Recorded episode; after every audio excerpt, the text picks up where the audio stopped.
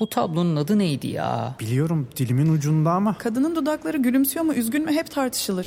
Sadece tablonun adı değil, etrafındaki çerçeve, bulunduğu müze, hakkında çıkan haberler, eserin sahibi ve daha birçok bilgi Samsung Galaxy S24 serisi ve Circle to Search ile dilinin ucunda değil, parmağının ucunda. Galaxy AI ile gelecek işte bu kadar kolay. Salus online terapinin yanında size özel ücretsiz içerik planıyla kişiselleştirilmiş bir deneyim sunuyor. Siz de nefes ve farkındalık çalışmaları, meditasyonlar ve çeşitli egzersizlerden faydalanabilirsiniz. Değişim ve gelişim sürecinde hem fiziksel hem de mental sağlığınızı destekleyebilirsiniz. Kendi en iyinizi yaratmak için Salus uygulamasını indirin. Başlangıç 10 koduyla %10 indirimli kullanın. Ne, neden, nasıl? Bu bilgiyle ne yapacağım? Tanrı öldü. Postmodernizmden ne anlamalıyız gerçekten? Nedir bu diyalektik dedikleri? Sanırım ben bir at sineğiyim. Varoluşunun hakkını ver. Gerçeklik gerçeklikten sürüldü. Üzerimde yıldızlı gök, içimde ahlak yasası. yasası.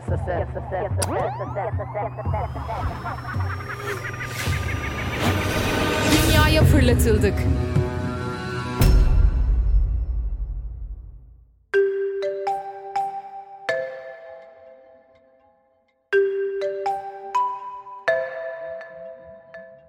Bugün bir takım itiraflarla başlayacağım. Ben çok fazla konuda çok fazla ön yargısı olan bir insandım. Mesela spiritüalizm, yoga, wellness kültürü, bir şeylerin ritüeline gitmek. Bu tarz şeyler çok fazla anlamlı değildi benim için. Bunu itiraf etmek lazım.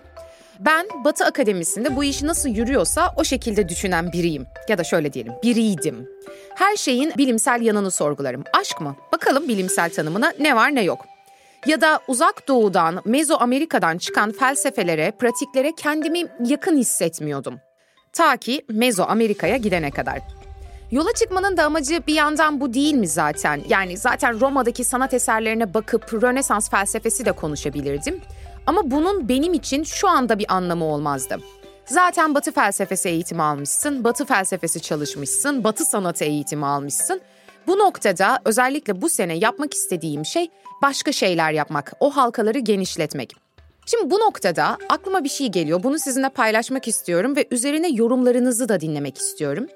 Bence entelektüel bir yaşamın iki farklı yolu var.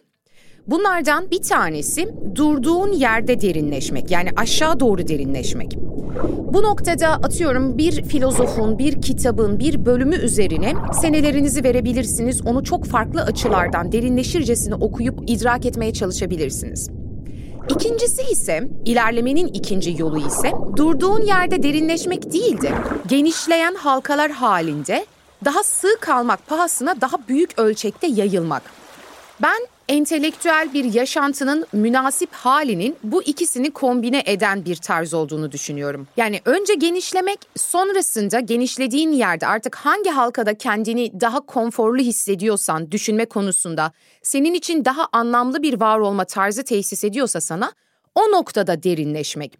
Çünkü burada derin ve sığ kavramlarının hangisinin daha anlamlı veya doğru olduğuna dair bir şey söyleyemezmişiz gibi geliyor bana. Kimileri durduğu yerde derinleşmeyi ilerleme sayar, kimileri ise farklı farklı yerlere ulaşan bir genişlemeyi. Bu senenin başında 30. yaş günümde Ocak ayında Descartes olmaya soyundum. Descartes şey diyor ya meditasyonlarda. Herkes hayatında en az bir kez bildiği her şeyden şüphe etmeli. Neden? Çünkü biz sürekli belirli bir temel üzerine katlar inşa ediyoruz. Beşinci kata çıkıyorum, altıncı kata çıkıyorum, yedinci kata çıkıyorum. İyi hoş ama ya temel yanlışsa? O yüzden bildiğim, inandığım, kabul ettiğim her şeyin altına dinamit koyup patlatmaya karar verdim. Ve biliyorsunuz ki yola çıktım. Bundan daha önceki podcastlerimde bahsetmiştim. Gelecek podcastlerde de farklı farklı yerlere gittiğimizde bu konuyu sürekli bence en az 6 ay kadar açacağız. Meksika'daki deneyimimde şöyle enteresan şeyler oldu ya da en azından benim için enteresan şeyler oldu. Orada Tulum denilen şehirde kalıyordum. Çok fazla popülerleşmeye başlamış bir alan. Buradaki insanlar büyük ölçüde kendi yaşamlarıyla obsesif bir ilişki içerisindeler. Yaşamlarını mesele ediyorlar ama burada yaşamı mesele etmek derken onun böyle varoluşçuluktaki, fenomenolojideki gibi bir anlamından söz etmiyorum. Pratik yaşamlarının her bir anını, her bir dakikasını mesele eden insanlar. Mesela ben Meksika'da kaldığım günlerde kendiliğinden saat 6'da uyanıyordum. Çünkü zaman farkından dolayı vücudum saat 6'da çok rahatlıkla uyanabiliyordu. Uyandıktan sonra her gün neredeyse meditasyon yapmayı deniyordum. Aslında meditasyon yapmayı denemek denen bir şey yok. Yani orada yanlış meditasyon yapamazsınız ama bu da ayrı bir podcast'in konusu. Bu benim için çok fazla değiştirici ve önemli bir pratik haline gelmeye başlamıştı. Zihnimizde o kadar fazla şey var ki işler, stresler, korkular, geçmişe dair kaygılar, geleceğe dair planlar. Ben yaratıcı bir iş yaptığım için kendimle, kendi zihnimle böyle orada berrak bir alan açabilmem lazım. Ancak bu şekilde yazabilirim, konuşabilirim, yeni içerikler üretebilirim. Bu yüzden de sabahın bu 5-6 sularında erkenden uyanıyorum. Hatta uyandığım bu sabahların birinde bir video kaydedip ses kaydı almıştım. Böyle rüzgardan dolayı yaprak hışırtıları, kuş sesleri, havada böyle pembemsi bir renk her şey mükemmel. Sonrasında 8 sularında kaldığım hostelde kahve yapıyorum. Ortak herkese açık bir mutfak var. Karşılaştığım bir kişi şöyle bir soru sordum. Bu sabahından yeterince keyif aldın mı? Daha önce kimse bana böyle bir soru sormamıştı. Çünkü ben öğlen olduğunda kendime şöyle demem. Dilara, sence bu sabahtan yeterince keyif aldın mı diye sormam. Bu soru karşısında önce şaşırdım, sonra düşünmeye başladım. Sonra da insanlardan ne öğrenebilirim diye baktım. Hani artık bildiğim her şeyin altına dinamit koydum ve ön yargılı olduğum insanlar ve yaşam tarzlarını anlamaya çalışıyorum ya. Oradayken de insanları yargılamadan anlamaya çalışıyorum. Sabahlarım keyif alınması gereken zamanlarmış gibi gelmiyor bana ya da keyif ve yaşam arasında doğrudan bir korelasyon yok. Keyif almamış da olabilirim diye düşünüyorum. Kahvaltı yaparken de herkes sohbet ediyor. Gezginler var. Büyük ölçüde hepsi gezgin. Aralarında benim gibi içerik üreticiler de var, yazılımcılar da var, sosyal medyacılar da var. Nail artist de vardı. Yani tırnak sanatçısı ve dünyayı gezerek insanları tırnak yapıyor. Bir yandan da geçiniyor. Herkesten bir şeyler öğrenebilirsiniz. Gerçekten herkesin bambaşka hikayeleri var. Gün doğumunda sahile gidip yoga, meditasyon yapılıyor. Ses ritüeli denilen bir şey var. Ve şu enteresandı bence. Orada belki 50 kişiyiz o hostelde. Herkesin muazzam bir sabah pratiği var. Kimi insanlar sessiz kalmayı tercih ediyor ve konuşmuyorlar. Ben de neredeyse her şeyi tek tek denemiştim. Bir tek şu ses meditasyonu denilen şey kalmıştı. Orada bir yoga stüdyosu var. Bu ses meditasyonlarını haftalık olarak yapıyorlar ve ücretli değil bu yoga stüdyosu. Bağış tekniğiyle çalışıyorlar. Bağış için de yaklaşık olarak 60 liralık bir şey öneriyorlar. Yani 60 liraya bu kadar güzel bir alanda yoga dersi almak İstanbul'da yapabileceğiniz bir şey değil. Hatta hiç ödemeden de çok fazla seansa katılan biriyle tanışmıştım. Orada düzenlenen Sun Healing denen bir seremoni vardı. Batılı Dilara'nın genellikle böyle materyalist pozitivist takılan Dilara'nın Sun Healing seremonisine gitmesinden çıkardığı dersleri anlatmak istiyorum. Arkadaşlarım beni de davet etti. Orada iki kadınla çok yakın arkadaş olduk. Hatta onlardan bir tanesi cadı olduğunu iddia ediyordu. Ve ben ateşlenip çok böyle yatak döşek yattığımda başımda bir şeyler yakmış, böyle taşlar koymuş yatağa. O kadar enteresan insanlar ki. Her neyse. Orada Sun Healing'de rehber dedikleri biri var. Bunu böyle ruhani bir rehber olarak düşünebilirsiniz. Ruhani bir rehber olma kavramının benim için anlamı ne? Hala yok ama belki sizin için bir anlamı vardır. Benim dikkatimi çeken ise aslında onun çok yetenekli bir müzisyen olmasıydı. Böyle Peru'dan, Arjantin'den, Meksika'dan, Hindistan'dan, Nepal'den türlü türlü antik enstrüman toplamış. Savasana isimli bir pozisyon var yogada. Uzanıyorsunuz, ellerinizi ve kollarınızı açarak gözlerinizi kapatıyorsunuz. Onun yaptığı müziği dinliyorsunuz. Bir saat kadar sürdü bu şekilde. Çok duymadığımız seslerden bir seremoni dinledik.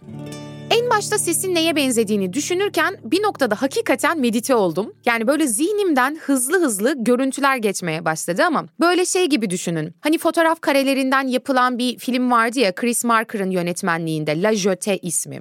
Bu sinema filmi bir film değil.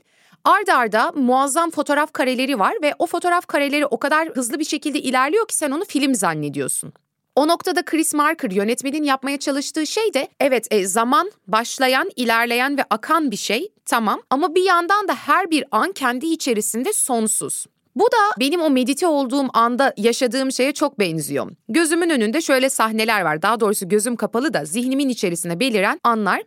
Dilara ilkokulda, Dilara ayakkabısını bağlıyor, Dilara kahkaha atıyor, Dilara ağlıyor, Dilara hastanede, Kimisi mutlu, kimisi hüzünlü, kiminin hiçbir anlamı yok. Böyle belleğimde bir yolculuk gibiydi.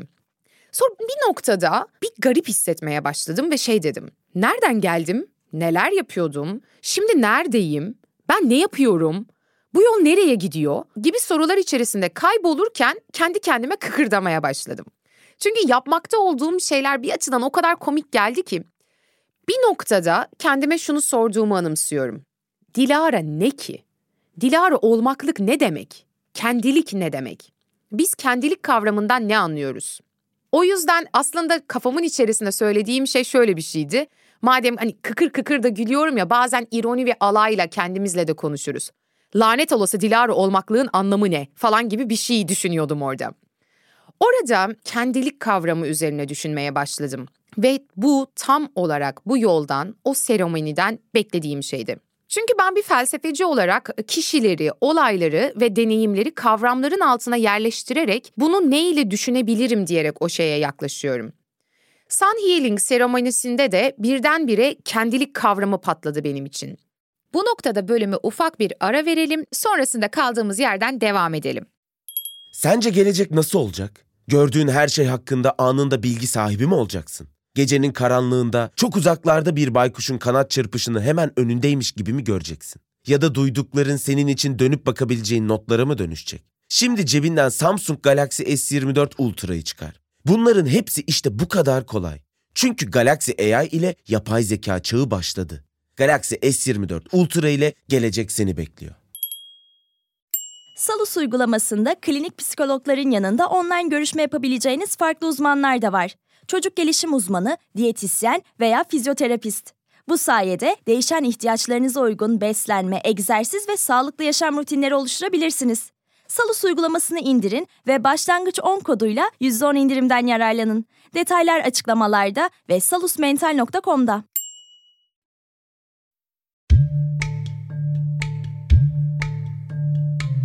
Kendilik dediğimizde sanki bir şey arıyormuşuz gibi geliyor kulağa değil mi?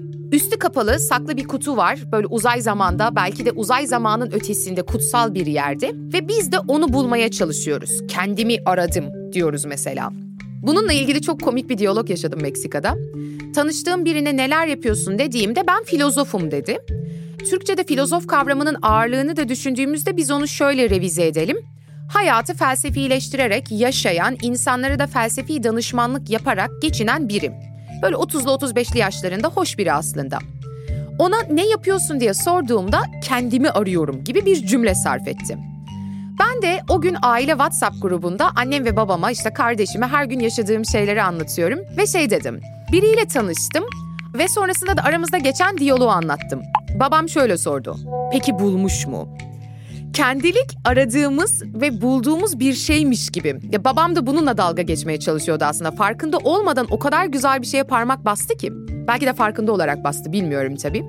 Biz kendimi aradım dediğimizde ya da kendimizi aramaktan söz ettiğimizde kendimi aradım. Hop buldum kendim buymuş. Aslında böyle bir şeymiş gibi geliyor kulağa değil mi? Ben de diyorum ki bu böyle olmamalı. Burada kavramın yanlış bir çağrışımı var. Çünkü bunun altında yatan bir çeşit özcülük aslında. Bir yerlerde saklı bir öz var da biz gündelik pratiklerin ötesine geçerek o içimdeki özü çıkarmaya çalışıyormuşuz gibi davranıyoruz. İnsanların böyle bilgisayarlardan katıldıkları ritüellerle birlikte yapmaya çalıştıkları şey de bana böyle bir şeymiş gibi geliyor. Ben ise her türlü özcülüğe karşıyım. Çünkü öz falan yok.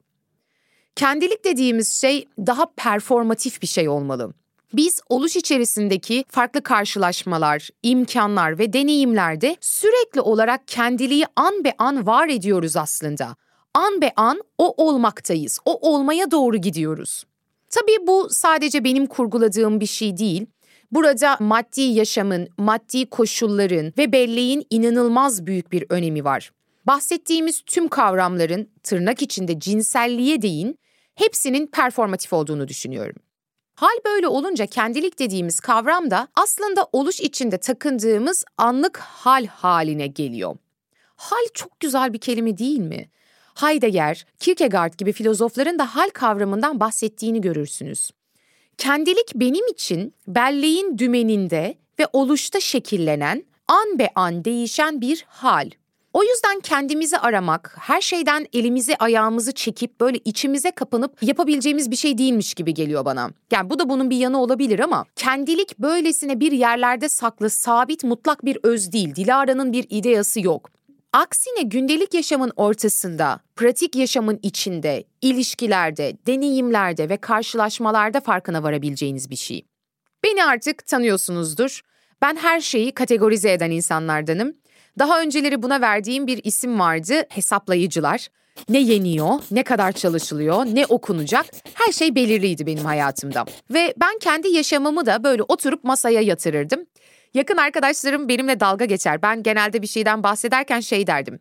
Oturdum düşündüm ve artık mesela bir şey yiyeceksek bile herkes aynı anda oturdum düşündüm diye başlıyor cümleleri.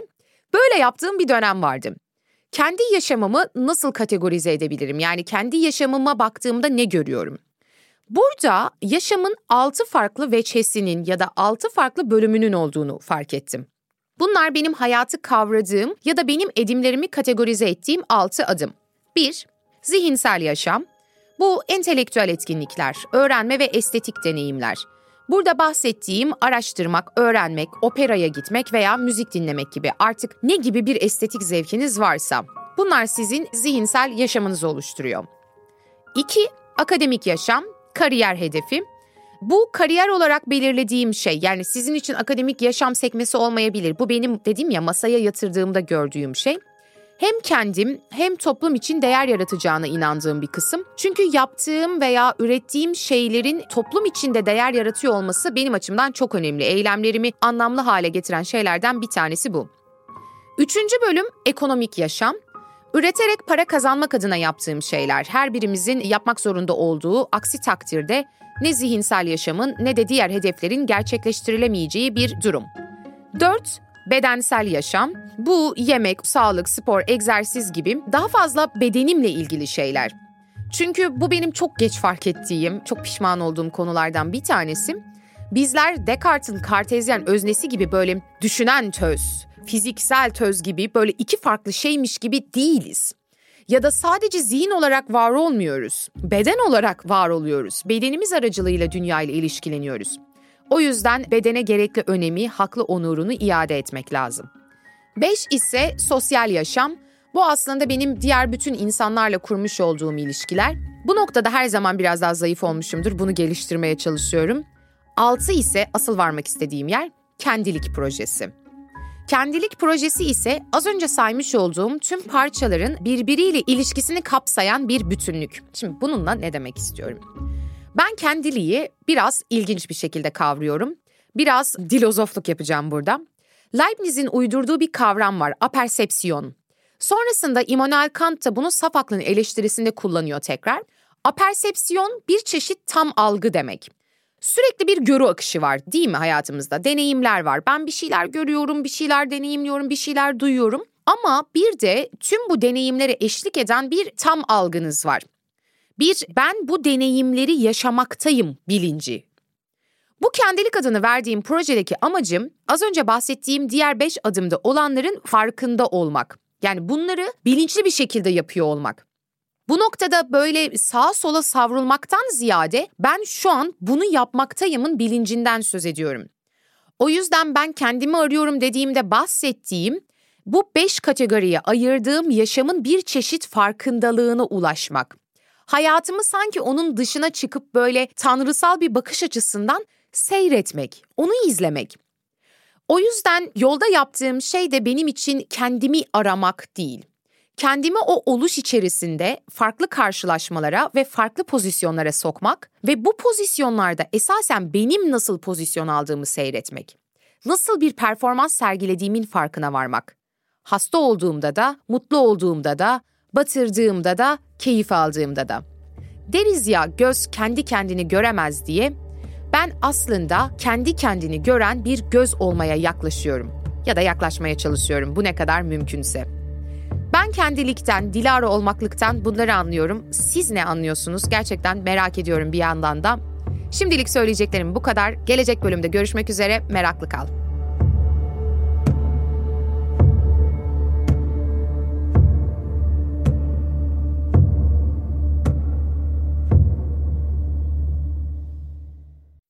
Boğa ve Venüs arasında 120 derece üçgen açılarla desteklenecek. Yeni ay ve devam eden süreçlerde tutumlarımız önem kazanacak. Özetle pozitif olun. Notlarını istediğin gibi özetleyen not asistanı Samsung Galaxy S24 serisinde. Galaxy AI ile gelecek işte bu kadar kolay. Salus yetkin psikologları ile terapiyi her yerden ulaşılabilir kılmaya devam ediyor. Yaşam tarzı değişiklikleri, adaptasyon sorunları, yalnızlıkla başa çıkma gibi konularda online terapi desteği için Salus uygulamasını indirin. Başlangıç 10 koduyla %10 indirimli kullanın.